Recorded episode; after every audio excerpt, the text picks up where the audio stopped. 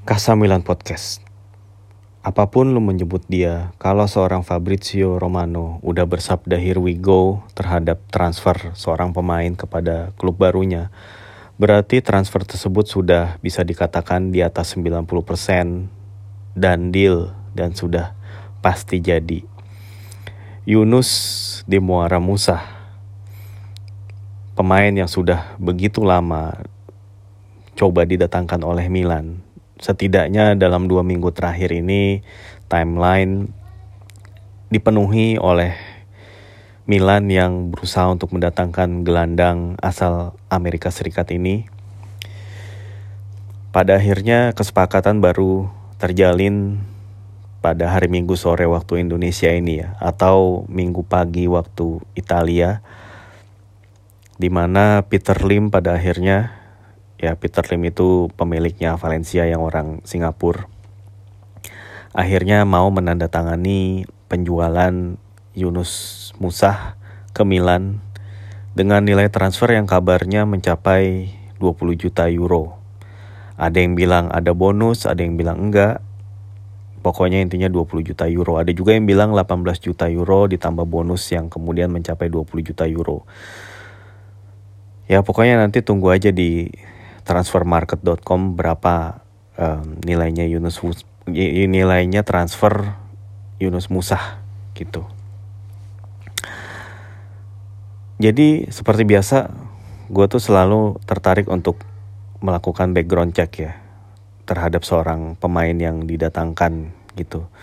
Kemarin waktu si Chukwueze, Pulisic, Loftus-Cheek, uh, dan lain-lain itu didatangin gue nggak cukup melakukan background check. Tapi untuk Yunus Musa ini gue tertarik karena memang um, dari sisi permainan dari sisi um, apa ya sepak terjangnya di dunia sepak bola profesional menurut gue memang belum banyak yang ditorehkan oleh pemain ini gitu. Meskipun kalau kita baca-baca lagi ceritanya ya Yunus Yunus Musa ini udah main bola bahkan dari usianya belum 9 tahun gitu. Masih setelah balita pun dia udah main bola gitu. Nah, inilah yang uh, justru ya masa kecilnya dan fakta bahwa dia memiliki empat paspor yaitu uh, Amerika, Inggris, Italia dan juga Ghana ini jadi menarik buat gue untuk menelusuri sebenarnya siapa sih ini Yunus Musa. Bagaimana sih perjalanannya dia gitu. Yang kayaknya baru umur 20 tahun ya, belum genap 21 tahun itu cerita hidupnya tuh menarik banget sih. Jadi gini, pertama kenapa Musa itu punya empat keluarga negaraan. Jadi uh, Yunus Musa ini punya keluarga negaraan Amerika. Ya, karena dia ini pas ibunya itu hamil tua, hamil tua dia gitu ya mereka tuh sedang berlibur ke New York untuk mengunjungi uh, paman dari ibunya si Yunus Musa. Nah terus kemudian uh, pas Yunus Musa itu mau balik lagi ke tempat asalnya, dokter ngelarang ini resiko nih mendingan lahir di sini dulu. Ya, semua orang yang lahir di Amerika otomatis punya US citizenship gitu ya. Terus Yunus Musa ini orang dari orang tuanya ya itu keturunan Ghana ya. Dua-duanya orang dari Ghana makanya dia otomatis punya keluarga negaraan Ghana. Terus kemudian Yunus Musa punya keluarga negaraan Itali karena setelah Yunus Musa itu lahir ya dia menghabiskan kemudian masa kecilnya tuh di Itali di uh, di daerah utara Itali sekitar 20-an kilometer dari Venezia dari kota Venezia. Nah terus Yunus Musa juga punya keluarga negaraan Inggris bahkan lu mungkin pernah baca dia itu memperkuat timnas usia 15-16 dari Inggris. Karena kemudian pada saat usianya dia 9 tahun dia pindah ya dia pindah ke London dan kemudian join di akademinya Arsenal. Itulah yang menjelaskan empat paspor yang dimiliki oleh Yunus Musa. Jadi uh, balik lagi ke awal nih. Ini harus diceritain dari orang tuanya dulu ya Ibrahim Musa. Jadi Ibrahim Musa ini punya pemikiran yang cenderung maju gitu ya, cenderung ke depan ya bagi orang orang Afrika, orang Ghana bahwa dia ini untuk mendapatkan hidup yang lebih baik dia harus merantau dan buat dia merantaunya itu adalah ke Eropa. Dan Italia adalah tempat rantau yang dia pilih gitu. Di Italia Utara itu sendiri ada komunitas dari Ghana, komunitas juga orang-orang Afrika ya di situ cukup banyak. Jadi ini rasanya akan memudahkan dia untuk mencari pekerjaan. Ya, gue nggak begitu tahu pekerjaan dari si Ibrahim Musa itu apa, nggak nggak dapat informasinya gue. Tapi yang jelas si Ibrahim Musa itu kemudian settle di Itali. Nah setelah dia ngerasa settle mapan, nah, di usia 16 tahun ya si Ibrahim Musa itu ya merantau ke Itali. Lo 16 tahun masih belajar main TikTok mungkin. Atau 16 tahun lo itu masih galau-galauan gak jelas mungkin ya. Tapi si Ibrahim Musa ini udah merantau ke Itali. Nah terus kemudian beberapa tahun dia di Itali ngerasa udah punya pekerjaan yang bagus, dia balik lagi ke kampung halaman nyari istri men. Nggak yang buat uh, bucin-bucinan gak jelas juga ya. Dia langsung nyari istri, dapatlah Amina Musa. Ya. Namanya Amina. Ya, setelah dinikahin dibawa ke luar negeri gitu. Jangan kebalik, jalan-jalan ke luar negeri dulu baru nikah. anyway, ya terus mereka nikah. Si Amina itu rupanya pintar masak ya. Nah karena dia itu pintar masak dia itu bisa buka restoran. Ini gue mungkin ceritanya agak ngalor ngidul. Kok nggak mana hubungannya sama bola? Tapi ntar pasti ada. Tunggu aja sabar gitu si Amina ini buka kayak semacam restoran kecil lah di Italia ya gue nggak ngerti ya. Mereka kan mungkin udah dapat keluarga negaraan mereka udah bisa mereka udah punya paper yang layak gitu ya. Bisa aja buka warung gitu nggak kayak kalau kayak di Jakarta kan banyak tuh warung-warung main buka aja gitu ya. Tiba-tiba gitu orangnya baru datang membuka warung punya KTP atau enggak punya izin usaha atau enggak mau main buka aja. Nah di Italia juga ternyata sepertinya terjadi seperti itu. Nah nggak dijelasin juga sih apakah pada saat buka usaha itu si orang tuanya si Yunus Musa udah punya uh, paper yang yang apa memenuhi syarat untuk membuka usaha Pokoknya yang jelas intinya ada kedai yang dia buka tuh yang menyediakan masakan-masakan khas Afrika. Jadi laku dong buat komunitas. Oh gue kangen nih masakan rumah gitu. Wah laku kedainya.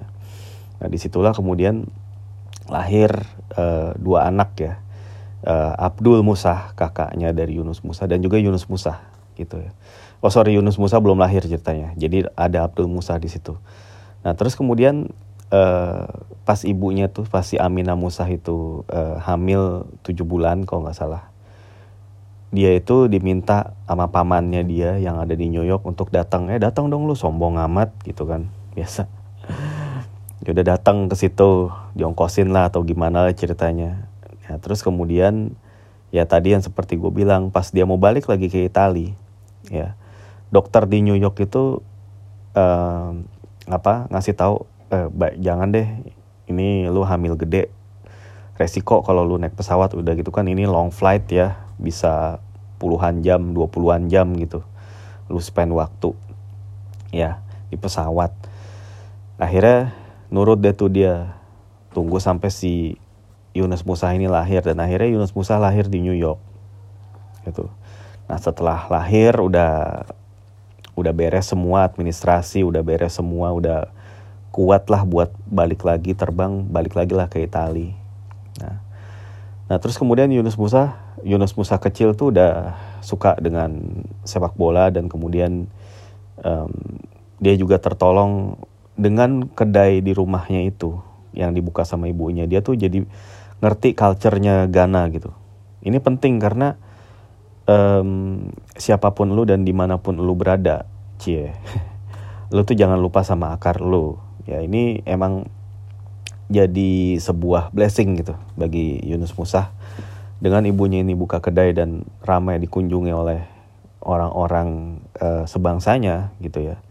Akhirnya dia nggak lupa sama rootnya walaupun juga dia tetap belajar di sekolah Itali dan belajar bahasa Itali dan terkena kultur sepak bola Itali juga saat itu ternyata main main bola itu jadi hobi yang pas buat Musa. Jadi pada suatu ketika dia pengen daftar ke klub, sebuah klub kecil, klub lokal, dia um, pokoknya pengen ikutin trial, tapi pada saat itu nggak dibuka kelas untuk anak seusia dia yang masih kecil. Akhirnya pelatih nanya gitu, ada nih kelas gitu ya, tapi buat anak-anak yang usianya di atas lu, emang lu nggak apa-apa? Oh ya nggak kenapa-napa gitu. Yunus Musa tuh dari kecil orangnya udah positif udah yang eh, nggak uh, takut-takut lah nggak ragu-ragu nggak yang aduh main sama abang-abang yang gede-gede lagi nih ntar gue di ntar gue dibully segala macam. Nggak dia nggak takut kayak gitu dia jalanin dan akhirnya dia nunjukin bahwa kemampuan dia emang luar biasa ya dan jadi dia itu bisa main sama anak-anak gede gitu bahkan dia dominan main di situ dia itu posisinya penyerang waktu mulai karirnya tapi pernah pada satu turnamen dia itu jadi kiper. Gak tahu kenapa nggak dijelasin kenapa dia bisa jadi kiper. Tapi pada saat dia jadi kiper pun dia biasalah action yang keep naro bola di bawah, dia gocek-gocek terus bahkan bisa nyetak sampai 4 gol. Ya ini emang talentnya emang luar biasa sih si Yunus Musa. Dia benar-benar mencintai olahraga ini wholeheartedly gitu. Tapi cobaan datang di usia dia 9 tahun ya saat dia lagi suka-sukanya main bola nih gitu lagi getol-getolnya main bola bapaknya kehilangan pekerjaan dan akhirnya uh, pekerjaan di Itali itu kehilangan akhirnya jadi ngandelin si kedainya si ibunya gitu. Nah ini kan sebagai laki-laki yang bertanggung jawab dan dan nggak mau nyender sama istrinya gitu ya. Dia putar otak dan kemudian ngubungin teman-temannya segala macam ternyata dia dapat tawaran kerjaan singkatnya ya. Tawaran kerjaan dari temennya yang ada di London. Dihubungin eh Ibrahim ada lowongan nih tapi di London lu mau nggak? Gitu. Ya karena tawarannya itu menarik ya mungkin udah interview segala macem gitu ya, ya. Dapatlah kerjaan di London gitu apply visa segala macem. Ya pendek pendek cerita langsung dapat walaupun dengan berat hati dia katanya lagi betah-betahnya di Itali kenapa harus ke London gitu. Ya. Tapi ya udah dijalanin semua sekeluarga pindah ke London termasuk dia si ibunya juga harus ngerelain wah gue udah punya tempat di sini gitu ya. Gue dagangan gue udah laku di sini gue harus pindah gitu. Ya udah tapi tetap dijalanin. Nah si Yunus Musa ini nyari cara gimana cara supaya bisa tetap main bola nggak putus nih ilmu bola gue yang udah gue dapet di Itali gitu. Akhirnya dia rajin main di klub yang ada di London Timur ternyata di London Timur dia ya di East London gitu. East London itu kalau gue nggak salah tuh West Ham ya klubnya ya. Kalau gue nggak salah. Kalau North London kan Arsenal dan Tottenham. Kalau East kalau nggak salah West Ham sama Millwall ya. Pokoknya gitulah ya. Terus uh, pokoknya dalam proses-proses dia itu main bola di situ, dia emang terlihat sangat dominan, sangat uh, pokoknya bakatnya tuh kelihatan. Sehingga pada akhirnya ada salah satu scout dari Arsenal, bukannya scout scoutnya West Ham ya, yang tertarik dan uh, menawarkan dia untuk trial. Nah akhirnya datanglah dia ke Akademi Arsenal melakukan trial. Ini di usianya masih 9 tahun ya.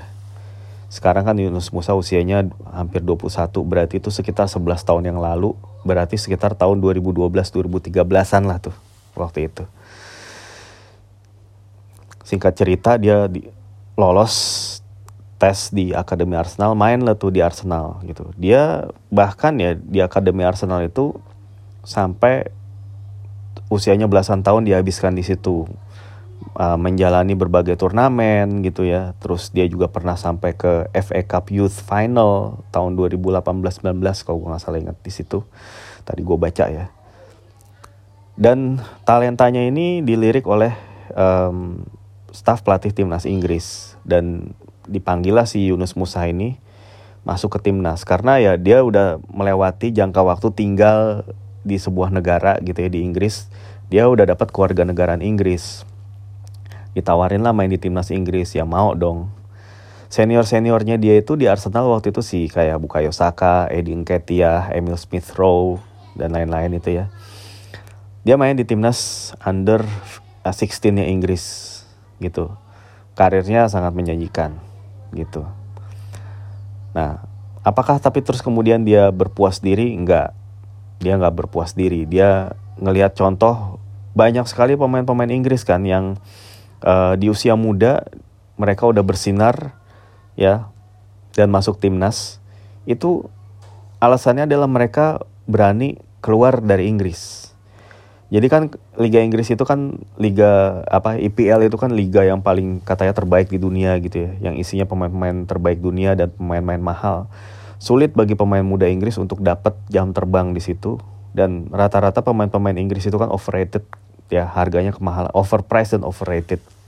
Nah Yunus Musa nggak mau masuk golongan itu. Dia akhirnya bareng sama kakaknya si Abdul berembukan, nih kayaknya kita harus pindah nih dari sini. Cari klub yang bener-bener pas buat lu. Singkat cerita didapatlah Valencia. Usianya masih 16 tahun loh. Jadi dia mengikuti jejak bapaknya nih. Jadi Yunus Musa usia 16 tahun. Dia ngerantau lagi. Dan ini kali ini nggak pergi sama ibu bapaknya. Ibu bapaknya kan udah punya usaha di London ya.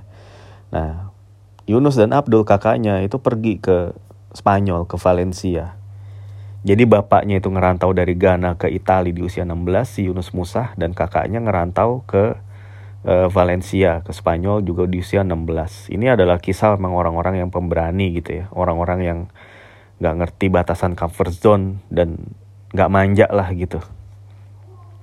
Ya. Dan emang keberhasilan dia sekarang itu emang buah dari kerja keras sejak kecil. Bayangin aja, Yunus Musa di usia 16 tahun dia udah tinggal di tiga negara di Itali, di Inggris dan kemudian dia pindah ke Spanyol. Dia tentunya berbekal itu semua dia udah ngerti dong betapa kerasnya dan kultur yang berbeda-beda gitu. Dia udah ngerasain tuh.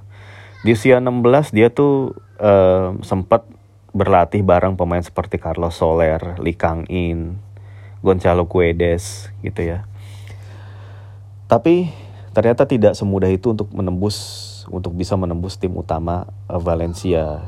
Ya, dia sempat dianggap menjanjikan tapi kemudian ada penurunan performa.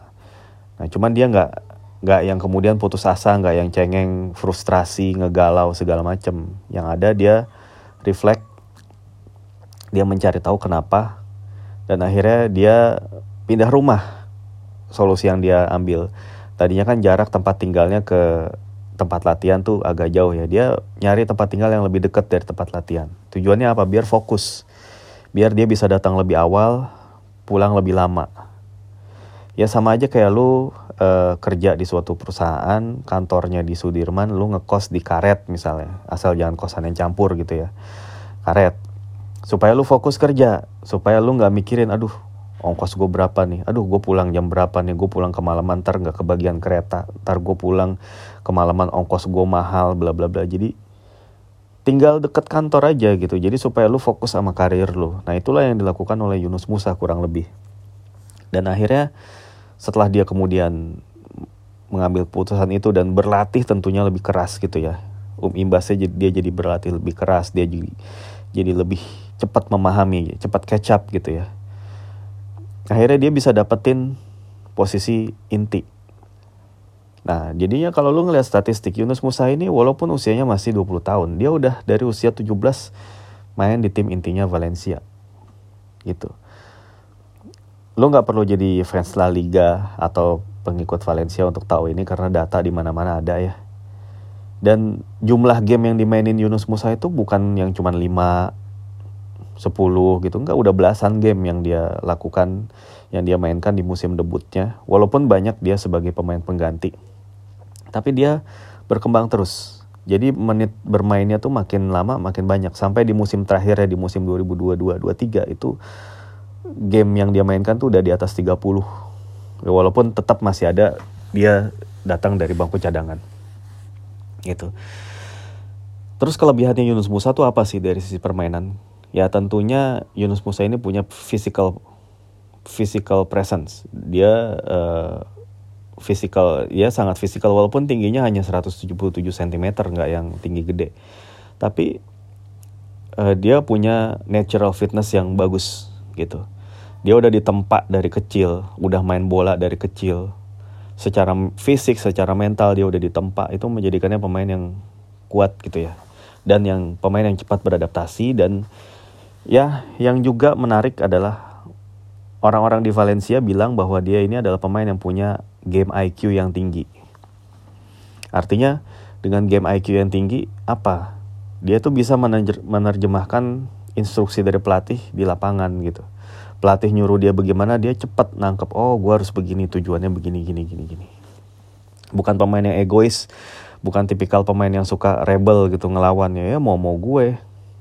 Gitu ya karir gue gimana gue permainan gue gimana gue nggak nggak yang gitu dia dia nurut gitu dan ini kemudian membawa dia juga ke timnas Amerika jadi ada scout dari tim nasional Amerika Serikat ya anggota tim pelatih sekarang gitu ya.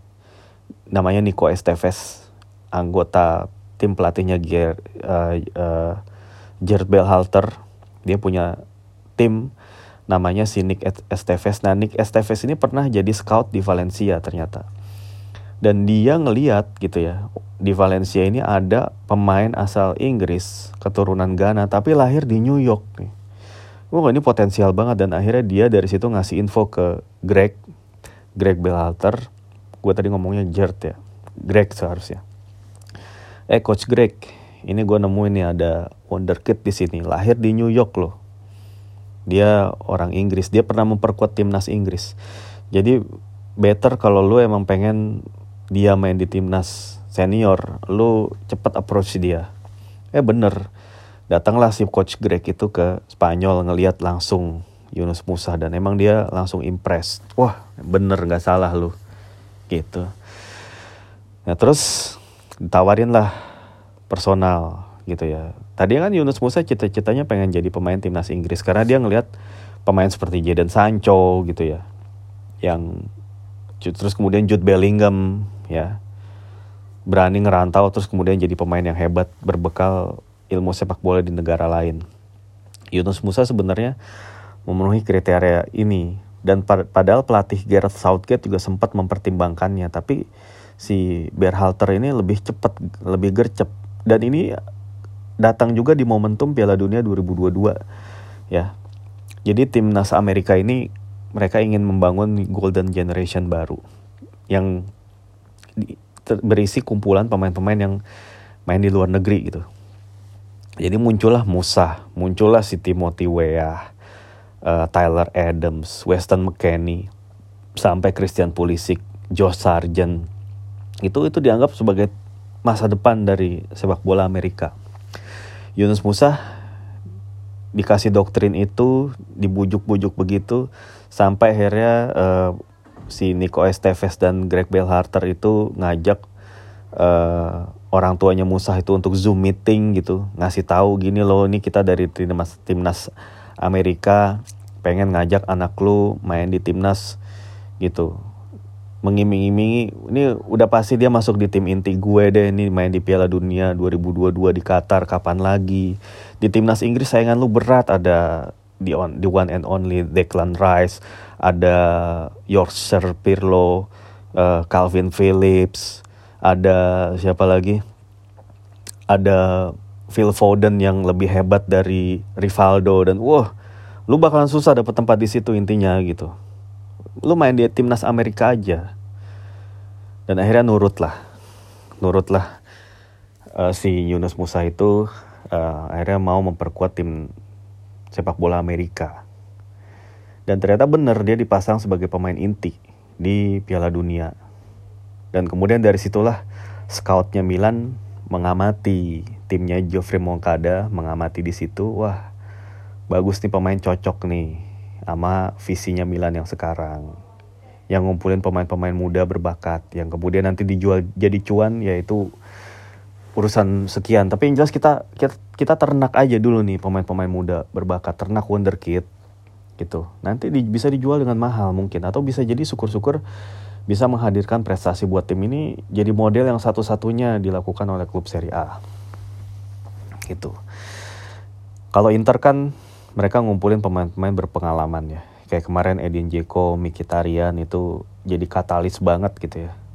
Bahkan Matteo Darmian gitu, bekas produknya Milan yang sekarang udah veteran, jadi center back yang lebih stabil dari Milan Skriniar gitu.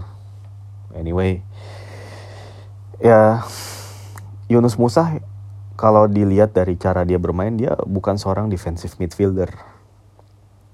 Mungkin bukan tipe pemain yang dicari, tapi kalau ngelihat caranya bermain gitu ya, ngelihat statistiknya, dia jelas punya potensi. Dia punya game IQ bener sekali. Kelihatan dari pergerakan dia itu eh, nggak uh, yang kebetulan gitu, nggak yang nggak yang kayak main kayak Tarsan gitu, yang pakai insting pure insting banget. Tapi dia tuh bener-bener terukur gerakannya. Dia tahu kapan ngegocek, ngoper gitu. Dia punya pemahaman taktik yang bagus gitu. Dan apakah pemain seperti ini nggak bisa jadi defensive midfielder ya kita nggak tahu. Tapi harusnya bisa, teorinya bisa. Dan Italia itu bukan tanah yang asing buat dia, walaupun dia jadi kayak harus mengulang masa kecil lagi gitu. Tapi yang jelas dia udah bisa bahasa Italia, dia punya paspor Italia yang akan memudahkan Milan dalam hal kuota pemain. Dia juga udah tiga musim bermain di La Liga, yang mana ini adalah kompetisi level tinggi ya bukan kompetisi ecek-ecek. Yunus Musa juga satu tim dengan Samu Castillejo musim lalu. Pernah juga dilatih dengan Gennaro Gattuso. Jadi ya Milan itu udah cukup nempel di dia gitu. Ya. Ya dan bayangin di usia 20-an ini dia seperti udah udah mature banget gitu gue kalau ngelihat dari cerita hidupnya yang seperti itu nggak heran dia ini udah sukses udah bisa nembus tim inti di usia muda. Dan bahkan secara finansial pun udah sukses ya. Kemarin di Valencia gaji dia satu setengah juta euro sebulan. Eh sebulan. Setahun. Sekarang kabarnya Milan bisa ngasih 2 jutaan. Itu ada peningkatan tentunya. Dan yang jelas berarti secara ekonomi udah dia benar-benar udah udah ningkatin taraf hidup dari keluarganya gitu. Jadi walaupun usia masih 20 tahun ya, tapi ya dengan cerita seperti ini, dengan story seperti ini, gua rasa Musa harusnya dia tidak menyia-nyiakan kesempatan ini dengan apa ya? Dengan dia bergabung di Milan berisi pemain-pemain muda, tim yang sangat taktikal gitu ya, kultur sepak bola Italia yang sangat-sangat menuntut hasil dan tidak sabaran. Tapi apakah dia kemudian bisa jadi pemain defensive midfielder? Kalau dari sisi statistik kelihatannya sulit karena memang uh, Musa itu menonjol dalam hal progressive carrier, passing. Ini sama seperti yang kita lihat kepada Tiani Reinders ataupun Ruben Loftus-Cheek. Jadi, jadi kayaknya Musa itu bisa juga main di posisi mereka. Tapi kalau ngelihat kebutuhan Milan sebagai uh, di posisi defensive midfielder dan Musa juga punya physical yang cocok punya dribble yang lebih baik ya. Dia dia punya dribble yang lebih baik dari Frank Kessie. Cara dia megang bola gitu ya, ngedribble bola, ngoper bola itu lebih lebih kelihatan elegan gitu. Lebih terlihat elegan. Ya semoga dengan kelebihan fisik, mental yang udah teruji dan juga kecerdasan ya IQ game IQ yang tinggi ya semoga aja Mus Musah ini bisa jadi um, ya paling nggak dia musim ini berguru dulu lah sama pemain yang lebih senior seperti Benacer, Krunik mungkin terus kepada Reinders dan juga to Stick untuk bisa jadi pemain gelandang bertahan yang emang dibutuhin untuk memutus serangan lawan. Karena emang ini diperluin banget ya di tim Milan yang begitu ofensif gitu. Yang begitu menggunakan banyak orang untuk menyerang sehingga vulnerable banget ketika mendapatkan counter attack jadi itu sih yang coba gue amatin dari seorang Yunus Musah gitu ya dan apa yang dia bisa berikan di Milan ya tentunya determinasinya dia, semangatnya dia, ya mental dia yang udah teruji, terus physical, IQ dan lain-lain. Dan dia masih muda tentunya. Bisa jadi Yunus Musa ini baru akan bersinar musim depan, who knows. Dan gue juga ngeliat mungkin pertimbangan manajemen kenapa nggak ngedatengin DM murni gitu. Ya musim lalu punya DM murni Bakayoko gitu kan tapi nggak dipakai juga gitu. Artinya taktiknya Pioli sekarang mungkin nggak butuh-butuh banget DM murni tapi lebih kayak ngebagi tugas bertahan itu kepada semua gelandangnya ya. Seperti Reinders, Loftus-Cheek juga ditugasin bertahan dan butuh pemain-pemain yang cepat gitu. Lu kalau ngelihat karakter pemain-pemain yang dimainin Milan itu rata-rata pemain yang punya fisik, punya lari cepat gitu ya. Terus kuat dalam duel gitu ya. Cerdas secara taktikal mungkin ya seperti inilah mungkin uh, Milan yang ideal gitu di tangan Pioli. Nah ini gue excited sih untuk nunggu musim berikutnya. Setelah Pioli ini diberikan diberikan squad yang relatif lebih lebih baik daripada musim lalu gitu ya ya cuman ini emang takutnya jadi jadi bumerang kalau seandainya fail ya lu pakai alibi apa lagi gitu. Tapi anyway kalau ngeliat effort yang udah dilakukan oleh manajemen sejauh ini gue sih puas sih. Maksudnya gue mungkin kemarin-kemarin punya penilaian yang kurang oke okay terhadap manajemen.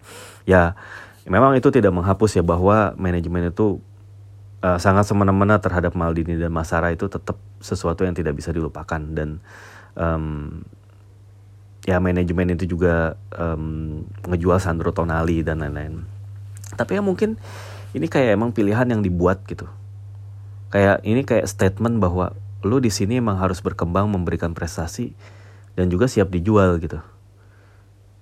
Jadi Milan itu mungkin ya jadi apa ya? Jadi pemain jadi tempat kumpulan pemain-pemain berbakat dari seluruh dunia gitu ya.